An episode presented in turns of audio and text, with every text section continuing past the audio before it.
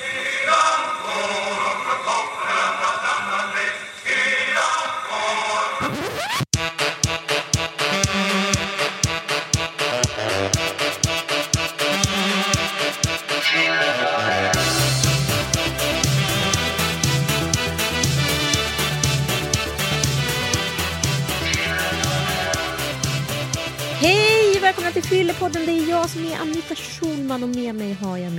Underbara parhäst Sanna Lundell. Ja, fy fasen vad härligt att vara här.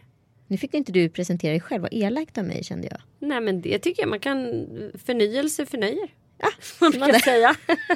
ja, här är vi igen i studion och vi har ju en sjukt spännande gäst med oss. Jag är liksom lite nipprig känner jag. Ja men jag är starstruck på den här kvinnan. Hon är ju eh, utöver att vara liksom en kontroversiell sanningssägare så har hon också varit medlem i grupp 8 och jag är ju helt så här galen i grupp 8. Kvinnor. Mums. Mm. Oj, oj, oj. Mums. Där vill man ju bara veta allt om vad som Ja. hände i den där lilla sammankomsten. Det var inga dåliga stjärnskott som var med i den kommittén. Du, de har förändrat livet för oss kvinnor födda idag och eh, det, de ska ha all cred för det och allt stort tack. Det var bara en liten passus. Vi kanske bara ska benämna lite vad grupp 8 är. Ja absolut, grupp 8 var ju en sammanslutning av kvinnor som kämpade för kvinnors rättigheter under 70-talet i Sverige. Ja, Ebba Witt-Brattström var med. Ja precis och det, de gjorde ju stordåd. Bland annat så fixade de daghem för alla.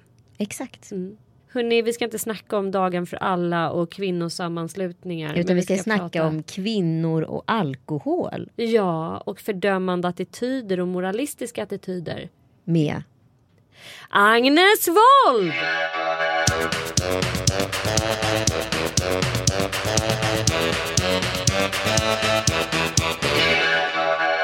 Sa jag rätt nu? Agnes Wold, ja. Mm. Ja. Ja, visst. Så heter Vad jag. härligt. Det är så roligt för förra säsongen av Fyllepodden så sa jag Alltså uttalade jag samtliga namn fel. Ja, det, var, det var som en Tourettes liksom. Men nu har jag haft rätt hittills på alla. Fantastiskt. Bara en sån sak. Jättevälkommen, det är jättekul att ha dig här. Och eh, jag satt precis innan vi klev in här i studion eh, och tittade på SVT Opinion eh, där du var med och pratade om lite allt möjligt. Men bland annat så kom vi in på alkoholfrågan. Mm, fast det var inte jag som pratade. Jag pratade om Macchiarini. Du pratade om det var en annan drog. Ja, Det, precis. att säga, det var eh, pengar som knark i forskarvärlden kan man säga. Men du hade ju ändå ett du var ju ändå li- lite mer på ett hörn där i den här alkoholdebatten eller vad man ska säga. Det har ju kommit en rad böcker här nu senaste eh, eller en, en rad, vad kan man säga, vittnesmål, inte bara böcker utan eh, människor som har alkoholproblem som inte vill sluta helt eh, utan som vill lära sig att dricka socialt. Eh, och som hävdar att de har lyckats med det. Och det här har ju skapat ett himla halabaloo och eh, en jäkla debatt helt enkelt. Många som är nyktra alkoholister som hävdar att det här fungerar absolut inte. Och andra då som hävdar att det visst fungerar. Det är ungefär som amningen. Ja, det är, Det är liksom som så här, så, som alla som inte har ett dugg med saken att göra helt plötsligt anser att de har med saken att göra. Det är ganska fascinerande. Vissa fält liksom så, så anser sig folk kunna lägga sig i och, och basunera ut och tala om hur det är för, för de som det berör. Det är ju väldigt konstigt. Men är inte det lite tyckarnas tid nu också? Att alla måste Jo, skapa jag tror och det. formulera Jag en tror åsikt det faktiskt. om ja. allt. Mm. Jo, sen att vi vill väldigt gärna generalisera och bunta ihop. Eh, tycker jag mig se en tendens till också i vårt samhälle att vi inte vill ha flera förklaringar eller flera lösningar utan vi vill ha en enkel lösning och vi vill ha ett problem. Eh, men jag tycker ändå att det skulle vara spännande att höra vad du har att säga om det här. Kan man lära sig att dricka socialt om man nu har ett utvecklat alkoholberoende? Alltså jag är ju inte på något sätt alkoholläkare så jag vet ju bara ungefär det man vet som ja, läkare, forskare. Man, man, liksom, mm, ja, man läser läkartidning, man har liksom lite allmän koll. Sådär, så, eh, och, och så vitt jag vet så, så är det ju eh, väl nästan en dominerande linje nu. Den här att eh, Alltså mycket alkoholkliniker och så. Att, att, alltså väldigt många av de som är där är sådana som dricker för mycket och, och, och ska dra ner och så. Jag pratade lite med den där läkaren efteråt. Alltså då, eh, jag tror de sa att man hade kanske bättre prognos om man eh, verkligen ja, alltså så sig för att sluta och så. Men, men väldigt många vill ju inte göra det. Och, sen måste det ju, alltså det, det, vet man ju sen eh, jättelänge att det finns ju olika alkoholismtyper. Alltså vissa blir ju alkoholister när de är 10, 11, 12 år. Alltså de börjar dricka eh, stark starksprit och, och sådär. Och så har vi de här andra ytterligheten, folk som eh, har, har gott om pengar och dricker eh, mer och mer trevliga viner och så helt plötsligt upptäcker man att man dricker väldigt, väldigt mycket. Det är ju en helt annan naturligtvis eh, biologisk funktion. Det förstår ju vem som helst.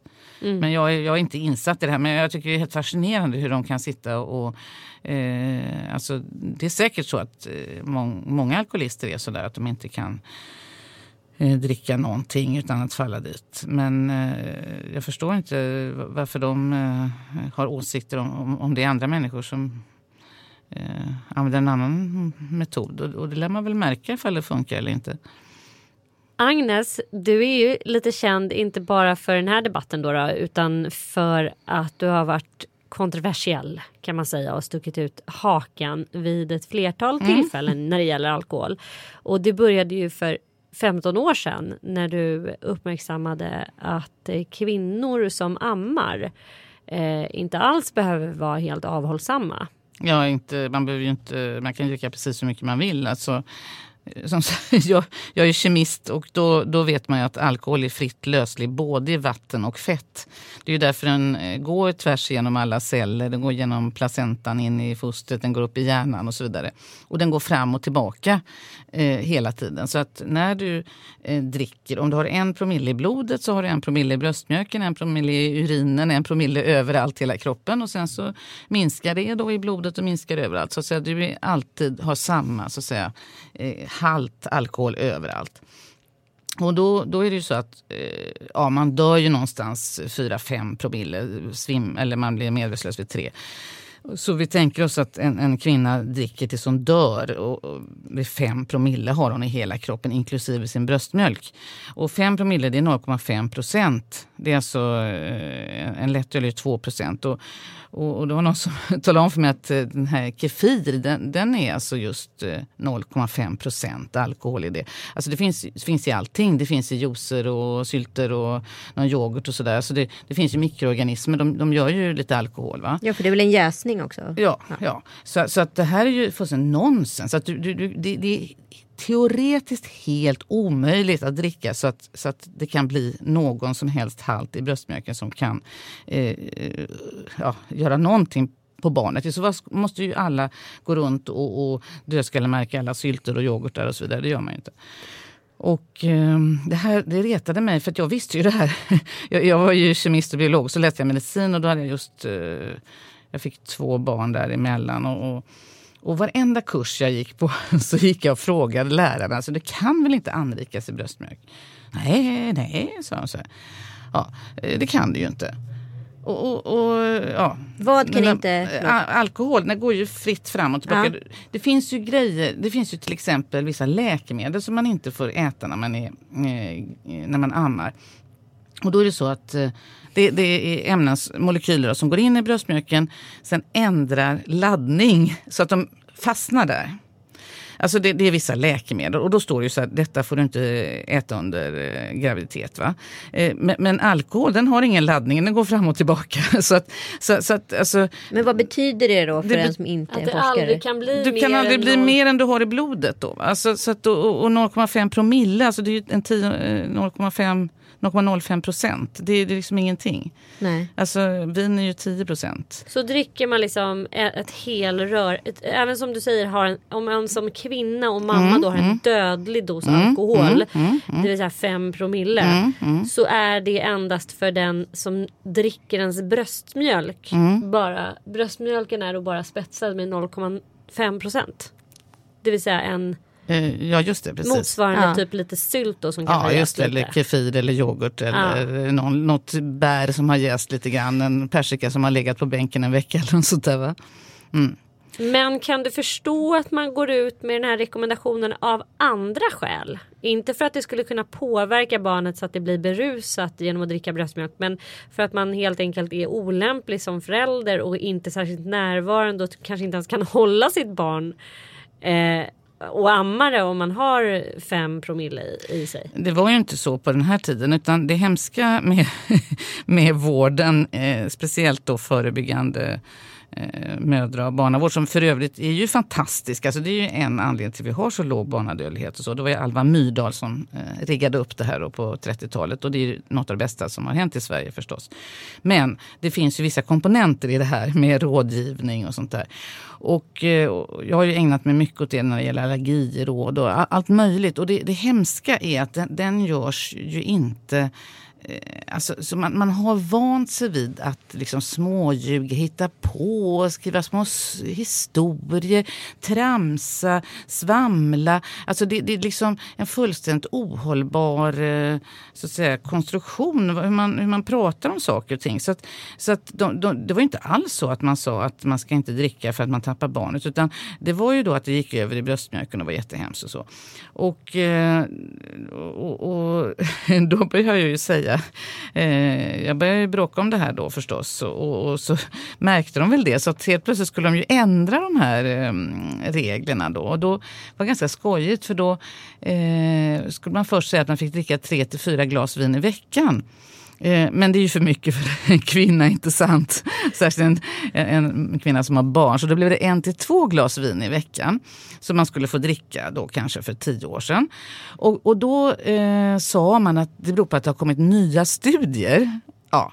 Och, och, och sånt där, liksom jag är ändå forskare, sånt där eh, det kanske är löjligt, men för mig är det liksom lite heligt. Man får inte, man får inte sitta och uppfinna studie. Man får säga så här att äh, vi, det där som vi sa förut, det var kanske äh, ja, det var inte så genomtänkt och, och, när vi tänker på saken så är det så här. Det är helt okej. Okay. Men att ständigt hålla på och, och liksom uppfinna och ljuga, och så här, det gör mig helt Ja, jag blev jätteirriterad. Så då, då satt jag, jag där i alla medier och sa att det finns, eh, vad skulle det vara för studier? Hur skulle de se ut? Skulle man sitta och fylla en mamma och så skulle man sitta och mäta på ungen då någonting? det, det är klart det inte finns någon sån.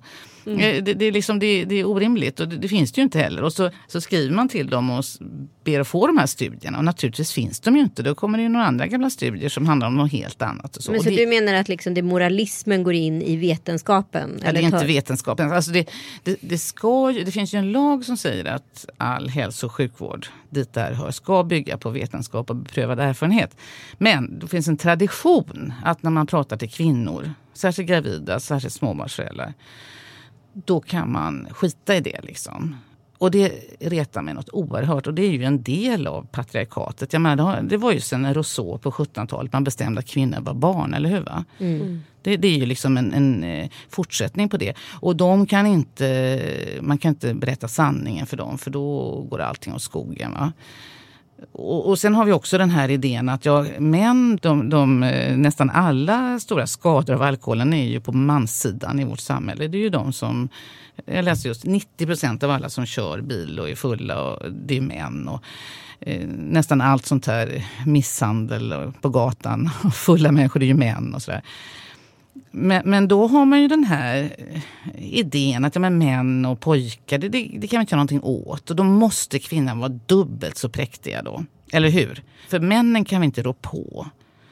Och då ska vi liksom, kvinnorna som, som sköter sig jättebra, ska de få ytterligare moralism för de ska kompensera då för de här oregeliga männen. Och det tycker jag inte alls är, rättvist. Det kommer jag aldrig ställa upp på. Men du som ändå liksom läser forskningsrapporter hela tiden. Kom, mm. Det påstås i alla fall komma forskningsrapporter på att kvinnor, eh, kvinnors alkoholintag har ökat sista jo, tiden? det har ju ökat sen eh, 50-talet då. Så att eh, då drack, eh, alltså kvinnor Män dricker väl ungefär dubbelt så mycket som kvinnor nu. Men då drack män fyra gånger så mycket som kvinnor. Mm. Så att eh, någon gång i framtiden kanske det går ihop då.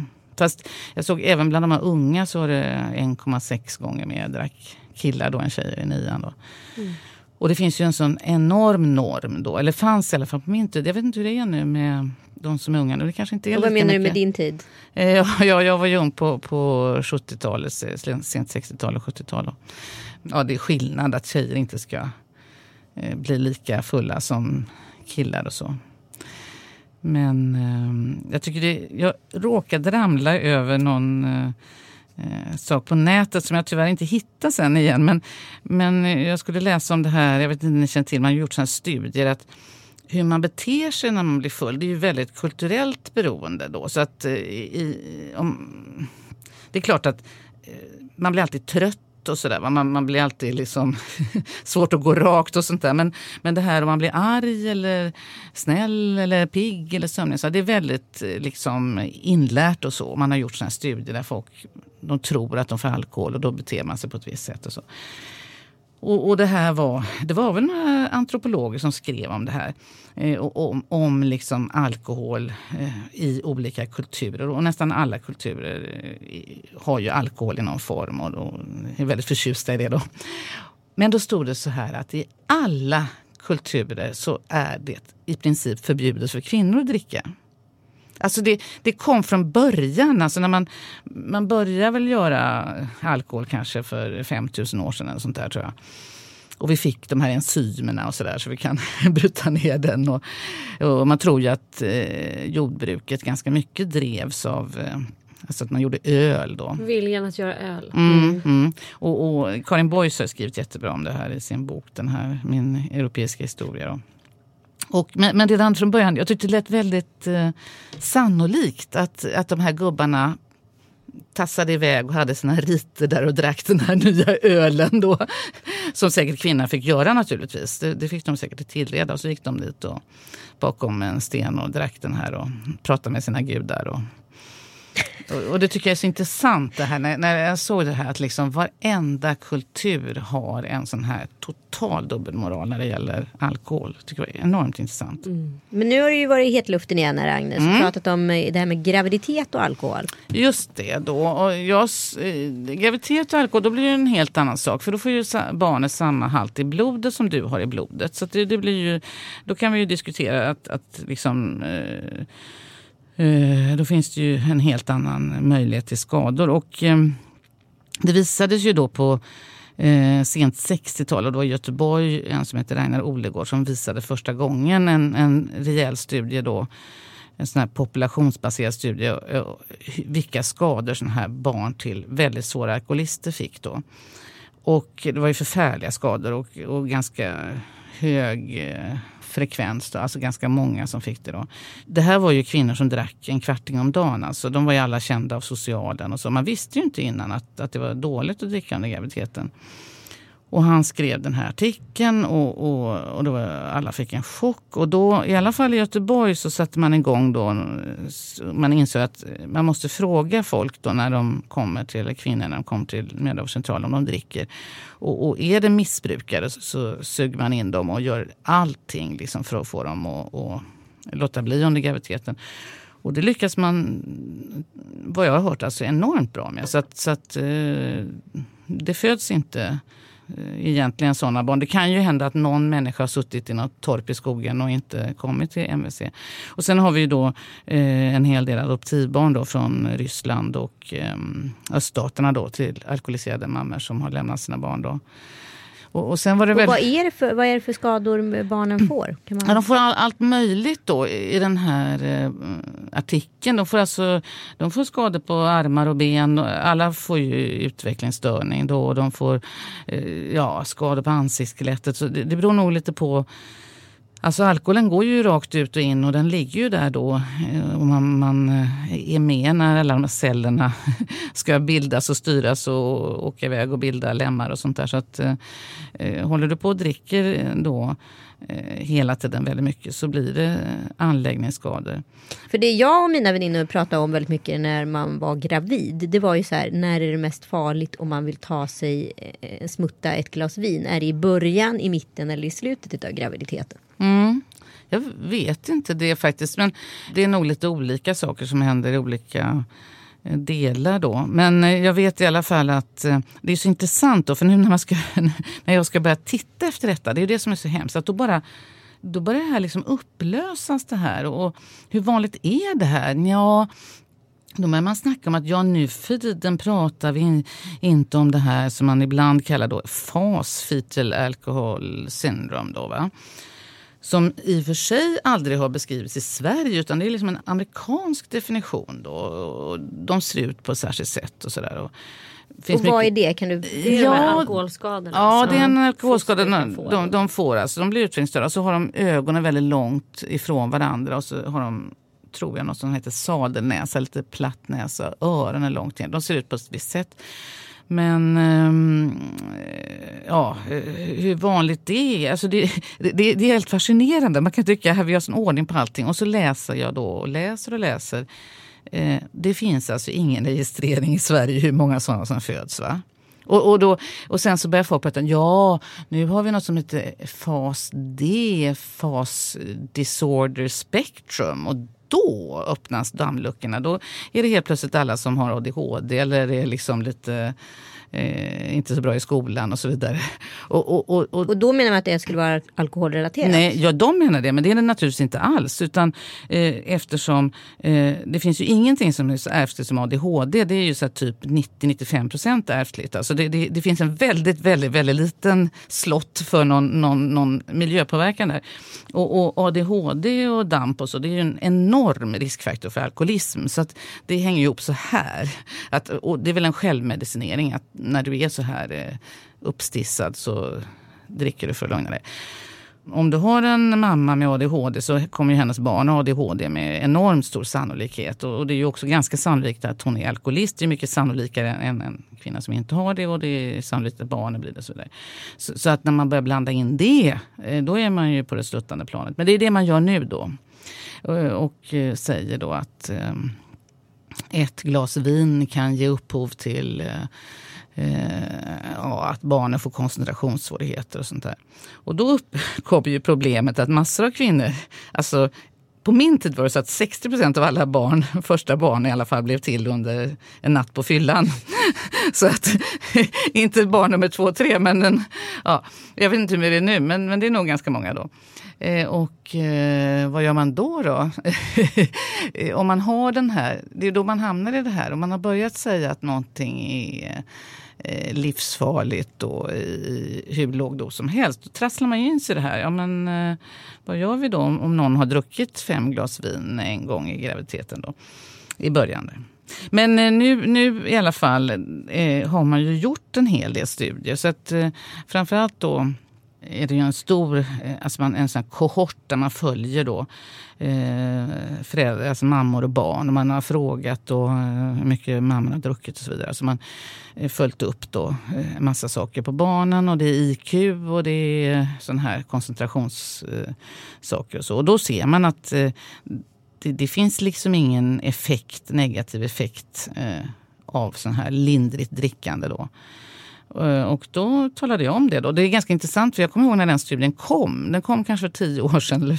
Men, men det blev alldeles, den, den fick liksom inte eh, omnämnas. Den bara liksom... Eh, den försvann? Den bara försvann, trots att det är Danmark. Annars tycker man ju liksom att eh, det är ju nästan våra kollegor och sådär. För det är ju lite kontroversiellt för att det är olika eh, alkoholrekommendationer olika, beroende på land. Så att det är ju väldigt kulturbetingat. Mm. För att i England är det en helt annan mm. alkoholrekommendation det var, än Holland. Det var, vet du. Men nu, eh, och sen, sen har man då efter den här, det finns alltså dessutom, då, då berättade jag om det. Då blev jag, barnläkarna jättearga på mig och sa att eh, det var hemskt att jag åberopade den här studien. Det var bara för att jag skulle visa min eh, eller stödja min tes då, utan man måste titta på alla studier. Eh, och då eh, fanns det ju som tur var en sån här så kallad metaanalys då från 2014 där man har det gör man ju på ett systematiskt sätt. Att man, någon människa sätter sig ner, söker allting och så har man kriterier för vad som ska vara med och inte och man mal ihop där. Och, och den visade ju helt klart att eh, alltså Eh, low drinking. Alltså det, det, är lite olika förstås i olika studier. Men alltså några glas vin i veckan, där ser man ingen effekt, ingen negativ effekt på någonting man har tittat på helt enkelt. Och då blir de ju arga för det då. Men, eh, för man får inte säga det då. För då tror man att då kommer kvinnor att dricka mm, fem flaskor vin i veckan. Men, men, jag tycker att det är jätteviktigt därför att Eh, det är ju ganska många som har druckit lite i början och så, så går de, eh, och, eller de har tagit sig ett glas vin och så... Ja, det är de, många som inte ens vet om att de är gravida. Ja, precis. Ja. Ja. Och, och, um, Eh, det är ju någonting som folk inte förstår. Men det vet ju jag som har fött barn. Alltså hur, vilken ångest och vad knäpp man kan bli när man är gravid. Liksom det, ligger, det anser jag är biologiskt. Att man, man har ju en väldigt upptrissad eh, vaksamhet. Både när man är gravid och när man eh, har fått barn. Då. Och därför tycker jag det är så enormt viktigt att man inte håller på och i onödan säger saker och skrämmer ihjäl dessa stackars människor som ändå har det ganska jobbigt. och, och, naturligtvis ska man säga saker som är viktigt, men man får faktiskt hålla sig till det. Sen får man eh, låta bli att vara så himla beskäftig och uttala sig om allting. Det tycker jag. jag. Jag förstår inte de här som anser att de har rätt att bara eh, säga massa saker för säkerhets skull. Och så. Jag, jag, kan inte se att... Det låter lite grann, för att sammanfatta det och så som jag tolkar dig och dina uttalanden som att du inte vill förminska kvinnor att ta eget ansvar utifrån ren fakta. Ja, ehm, Har jag förstått dig rätt då? Kanske man kan säga. Jag, det är väl framförallt så att jag är ju forskare och, och liksom för en forskare det, det, egentligen spelar det faktiskt ingen roll. Det som, en journalist där har man ju det som kallas konsekvensneutralitet. Det höj, håller ju de ju väldigt högt. Att, och vad att, betyder det? det betyder att du ska rapportera en nyhet även om det här kanske eh, skadar Sveriges eh, foreign relations och så vidare. De lär sig ju det. Det är ju journalist, eller hur? Det lär man sig jättemycket på Journalisthögskolan. Va?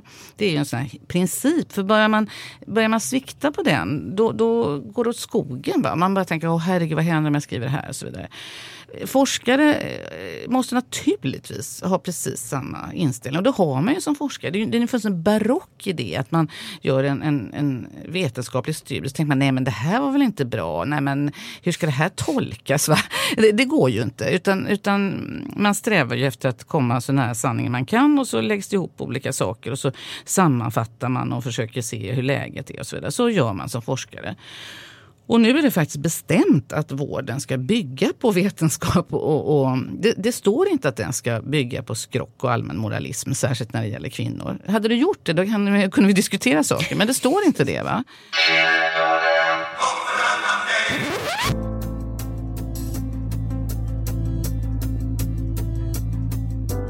Alkohol kan vara gott och öka trivseln men det ställer också till många problem. För de som dricker och för de som finns intill och för samhället. För att det ska finnas en motkraft och för att människor ska reflektera över sitt drickande finns den idéburna organisationen IQ. Vill du veta mer? Kolla in iq.se.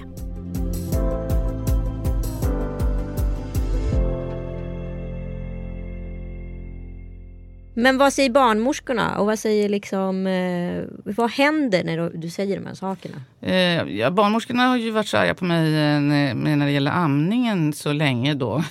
Så att jag vet inte om de säger det. de har nog fullständigt kollapsat. Sen kommer det nya barnmorskor också som är kanske lite, eh, lite mindre arga. Jag vet inte. Jag träffar så lite barnmorskor. Men, eh, Mm. men du är ju väldigt aktiv på Twitter och där du gör då de här uttalanden ofta. Eh, men får du aldrig en känsla av att det inte är värt det? Att du inte orkar ta att människor blir så upprörda och förbannade och tycker att du liksom förstör den allmänna moralen och så vidare? Mm, eh, men det är det att alltså jag, är ju, jag har ju en biologisk grundsyn så jag anser ju att ens personlighet så ganska mycket nedlagd från början. Och, och jag har ju den här, som jag, jag brukar säga, en, en gen då. Det är klart inte en gen, men en personlighetsdrag som jag alltid har haft. Att eh, eh jag Alltså, hur gärna jag skulle vilja, det var ju mer när man var yngre. Alltså, man ville väldigt gärna eh, för att få vara med, liksom kunna eh, rucka på vad man tyckte och sanningen och fjäska in sig. Så, men, men jag kan inte det. Jag, jag, är väldigt dålig på det. Det var inte så att jag inte försökte. Jag försökte jättemycket då när jag var ung. Va? Och, och, och liksom eh, anpassa mig och, och liksom... Men, men, men eh, jag är inte byggd för det. Då. Och det är väl därför jag har sökt mig till eh, forskningen förstås, universitetet. För där får man ju faktiskt syssla med sanningssökande då. Mm. Eh, och eh, så att... Eh, Eh, och, och, utan det är ju mer så att eh, eh man får de här smällarna och så hoppsan. Nu det, det, är inte så att jag planerar. Eh, just Twitter, det gör jag ju bara. Det är som att dricka vin för mig. Jag sitter på kvällen. Det, det är liksom... Eh, jag, jag, är ju så ultrasocial och, och, jag skulle ju egentligen vilja vara ute på puben om vi lever i ett sånt samhälle. Men, men det gör vi ju inte, utan i Sverige sitter ju alla hemma.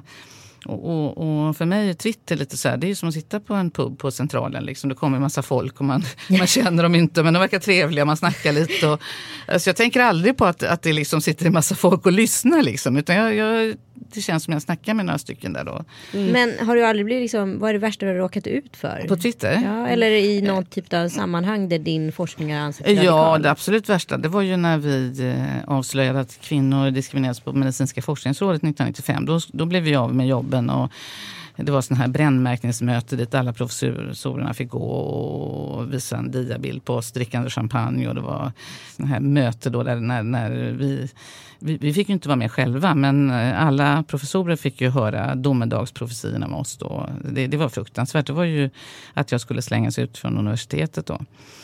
Mm. Och, så att, eh, det var ju en kris kan jag säga. Men det var 20 år sedan. Och, så att, eh. Du har hämtat dig. Finns det fler myter om alkohol som vi inte känner till? Det finns det säkert. Jag, jag sysslar ju inte med alkohol alls. Jag har aldrig, mm, förutom det här då liksom eh, med, med um, graviditet och amning och så. Då. För, för jag är Eh, lite besatt av detta. Att det ska inte hålla på och, och moraliseras över kvinnor. Alltså jag, jag tycker det, det är fullständigt orimligt hur vi har det.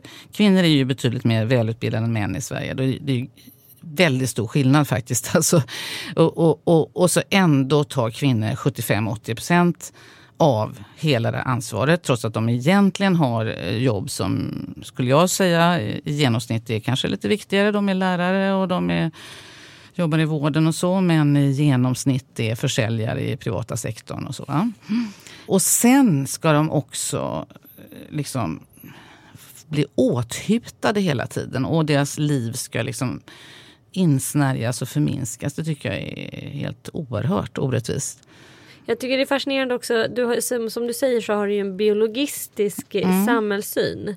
Eller mm. också en människosyn som grundar sig mm, väldigt mycket mm, i biologism. Jag, jag läste en eh, artikel med dig i Fokus där du sa att du, ja, men som du beskrev här tidigare på den, att du dels är en, du har en personlighet som krockar lite. Dels för att du är en flockmänniska och gillar att umgås. Men också att du har det här sanningssökandet. Men vad tror du att alkoholen har för biologisk funktion för oss människor eftersom vi verkar ha älskat denna drog i 5000 år? Ja men då kan jag säga för min del då. Så, för det, det här är ju min grundkonflikt. Många människor har väl en grundkonflikt i livet och det är min grundkonflikt. Det är liksom de här krocken mellan att säga vad jag, jag tycker är sant och vara mig själv och så samtidigt vilja alltid vara med. Mm. och, och, det där har ju eh, renderat olika problem då.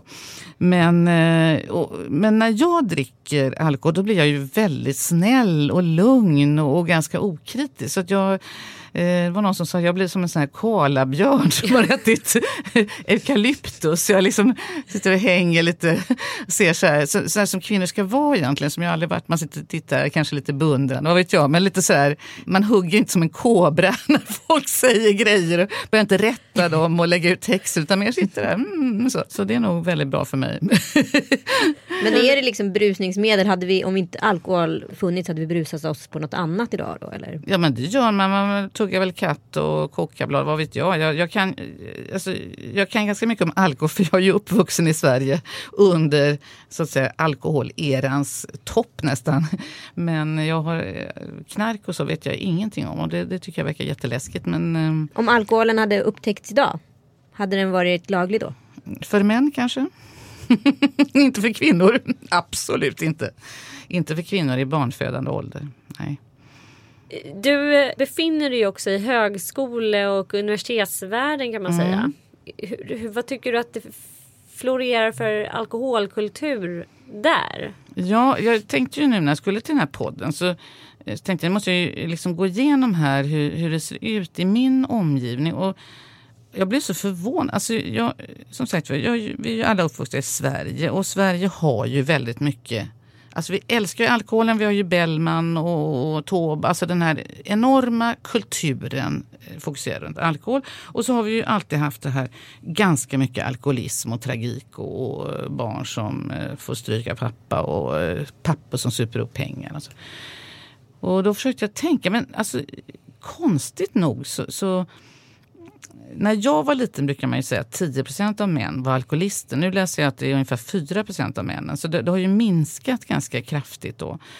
Men eh, när jag tänker, jag, jag Alltså, det måste vara något jag, jag, inte tänker på. Men, men, men jag har väldigt få i min närhet. Och, och det måste väl bero på att jag är forskare och läkare. Alltså det, det är ju väl antagligen såna här anti-riskgrupp. Alltså man har ju skådisar och journalister som är där. Och, och, kanske modebranschen eller vad vet jag. Eh, så, som dricker jättemycket. Och så har man då folk på andra sidan. Då, och, och det är väl mycket vårdfolk då. Och sen eh, forskare. Man, man dricker ju ganska mycket i studentkretsar och sådär. Eh, det var ju så himla länge sedan, var ju på 70-talet och 80-talet. Men man, det var inte, man hade ju inte pengar då. Va? Så att, eh, eh man drack ju då på fester och sådär. Men, men, eh, så jag dricker mycket mer nu när jag har massa pengar och dricker goda viner. Och, Ja, hur dricker du själv? Hur ser din egen relation till alkohol ut idag? Ja, den är mm, trevlig. Så jag får nästan dåligt samvete. Jag gick ju igenom det här så känner jag mig lite...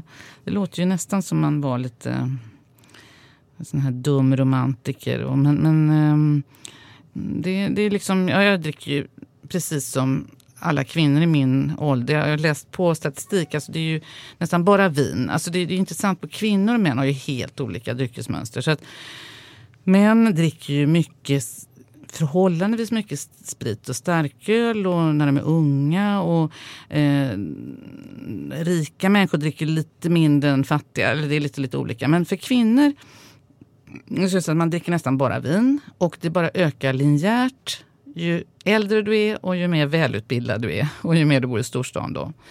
Så att det är liksom, eh, alltså jag och mina kompisar som står för en stor del av eh, kvinnors drickande då.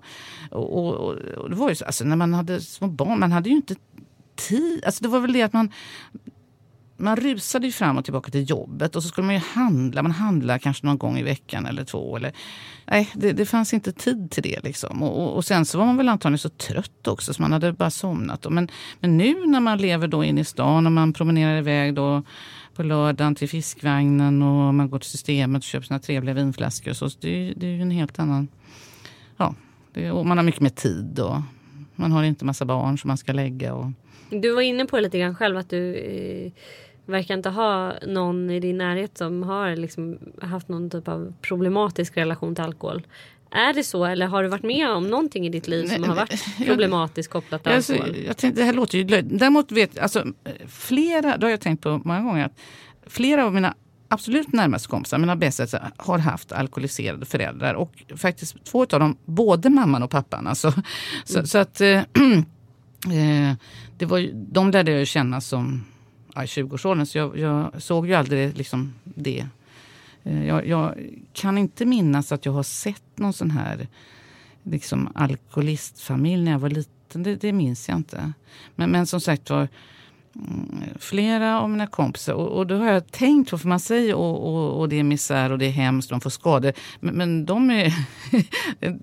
det är ju inte alls så att de är en, alltså avviker på något annat sätt. Eller att de har något särskilt förhållande till alkohol. Eller mm. att de är, säger att det får inte komma in en droppe sprit i mitt hus. Och så, utan de är som folk är mest. Men, um, det, det låter lite löjligt. Alltså, jag, för, Nej men alltså, så kan det ju vara. Alltså, det behöver inte vara något. Men, eh, men eh, det är ändå ganska fascinerande för jag tror att du är vår första gäst mm. i Fyllepodden som inte inte har eh, problematiska relationer till alkohol kring dig eller vad man ska säga. Nästan alla som har varit här har någon som de står väldigt nära eller? Men då kommer vi tillbaka på det Agnes pratade om. Finns det ett moraliskt dilemma? Mm. Alltså vi som är sprungna ur den här tiden har vi blivit för höga moralister så att vi dömer oss själva för hårt man har ju så mycket mer pengar idag och tid trots att alla springer kring och tjafsar att de är så stressade. Så, så, så, så på något sätt så, så eh, tror jag att det finns mer utrymme. Alltså, eh, när mina barn var små, då, vi jobbade ju båda två, man delade på allting, vi delade lika. Och, men det var ju bara att man sprang till jobbet, man sprang hem, avlöste varandra. Man, så här, och vi hade ju aldrig någon barnvakt och sånt där. Utan det är, men mina barn, de är ju sådana som går ut liksom och, och, och, lämnar barn till barnvakt. Alltså det är ju del i det här unna sig-kulturen idag. Som ju inte fanns eh, då, när man, på 80-talet när man var småbarnsförälder. Det fanns inget unna sig alls. Dessutom så... så, så eh, men är unna sig-kulturen en ny typ av 70-talskultur? Nej, 70-talet var inte... 70-talet var ju liksom extremt moralistiskt. Det var ju liksom på ett annat sätt. Det var ju den här revolutionära. Visserligen satt alla och rökte som borstbindare och, och drack vin och så. Men det var under väldigt gravallvarliga former kan man säga.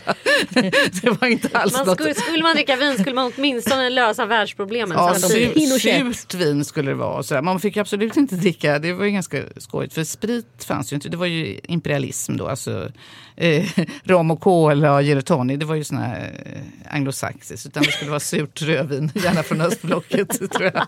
Algeriet och... Ja.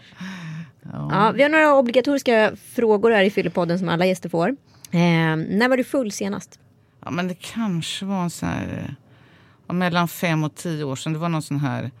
Eh, när, alltså min kompis, vi skulle ha någon sån här... Eh, hon skulle fira sin lägenhet så kom man rusande från jobbet på fredag kväll och så har man inte ätit och druckit och så börjar man dricka lite för fort liksom. Och sen så hamnar jag på någon soffa där. och så fick faktiskt min man komma och hämta mig. Men eh, eh, ja, och sen eh, ja, så några gånger när man var ung då så där riktigt man spydde och sådär. Men... Och då kommer vi in på fråga nummer två. Vilket är ditt värsta fylleminne?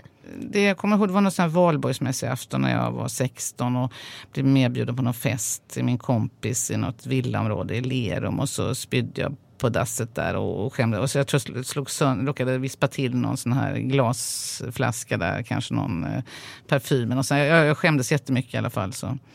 Det, det är nog den enda jag kommer ihåg som är sådär. Annars har nog eh, alla andra varit minst lika fulla. Så jag, jag, jag, har aldrig, nej, jag tror inte jag, jag har aldrig gjort något sånt här eh, fruktansvärt. Nej, tror jag inte.